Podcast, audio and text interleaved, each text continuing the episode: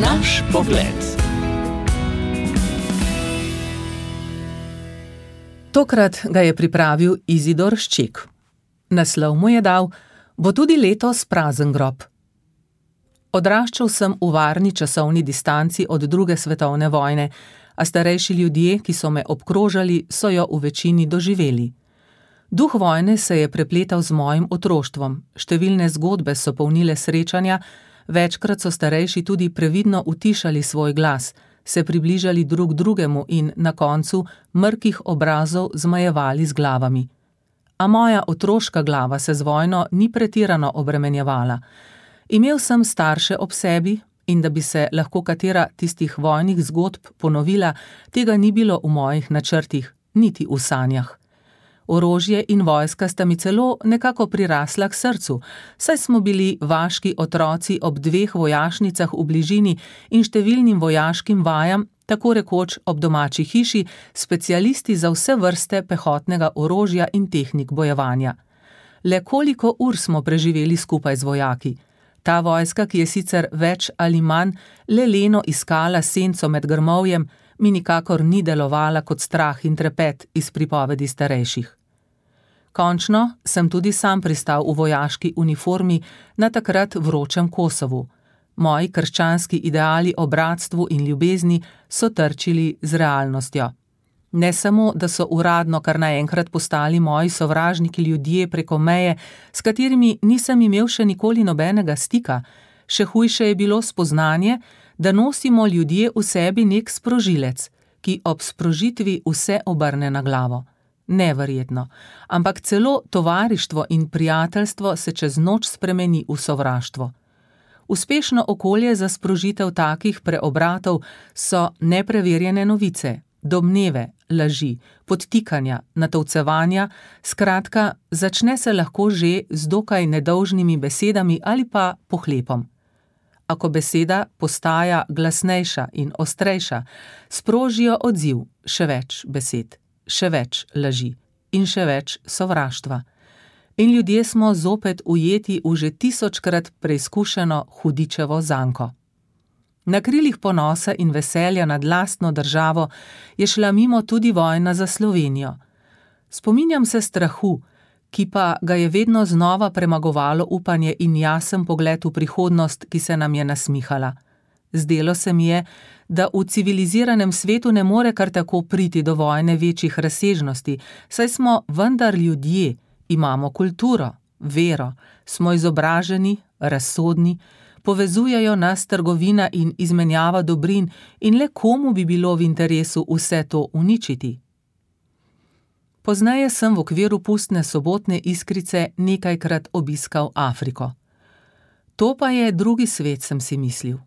V Etiopiji sem prvič videl begunsko taborišče s tisoči ljudi brez prihodnosti taborišče z revnimi barakami, v katerih so že desetletja živeli in umirali ljudje, ki jih je tja prignala vojna.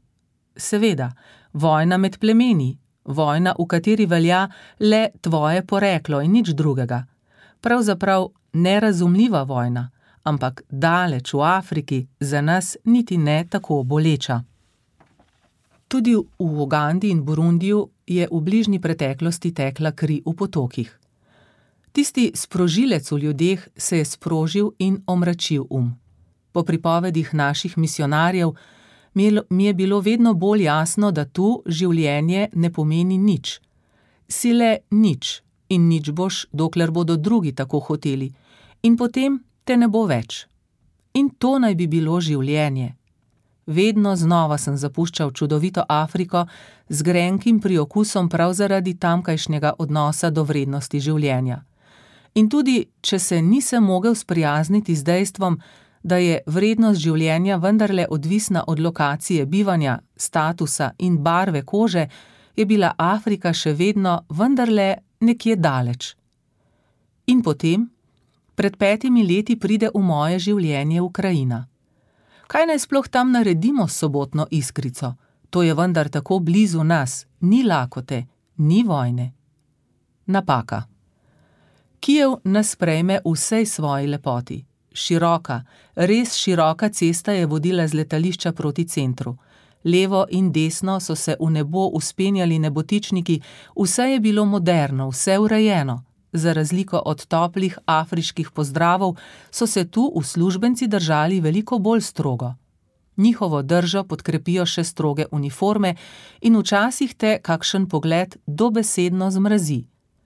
A se podoba Ukrajine hitro spremeni, ko domačini spregovorijo o revščini in vojni.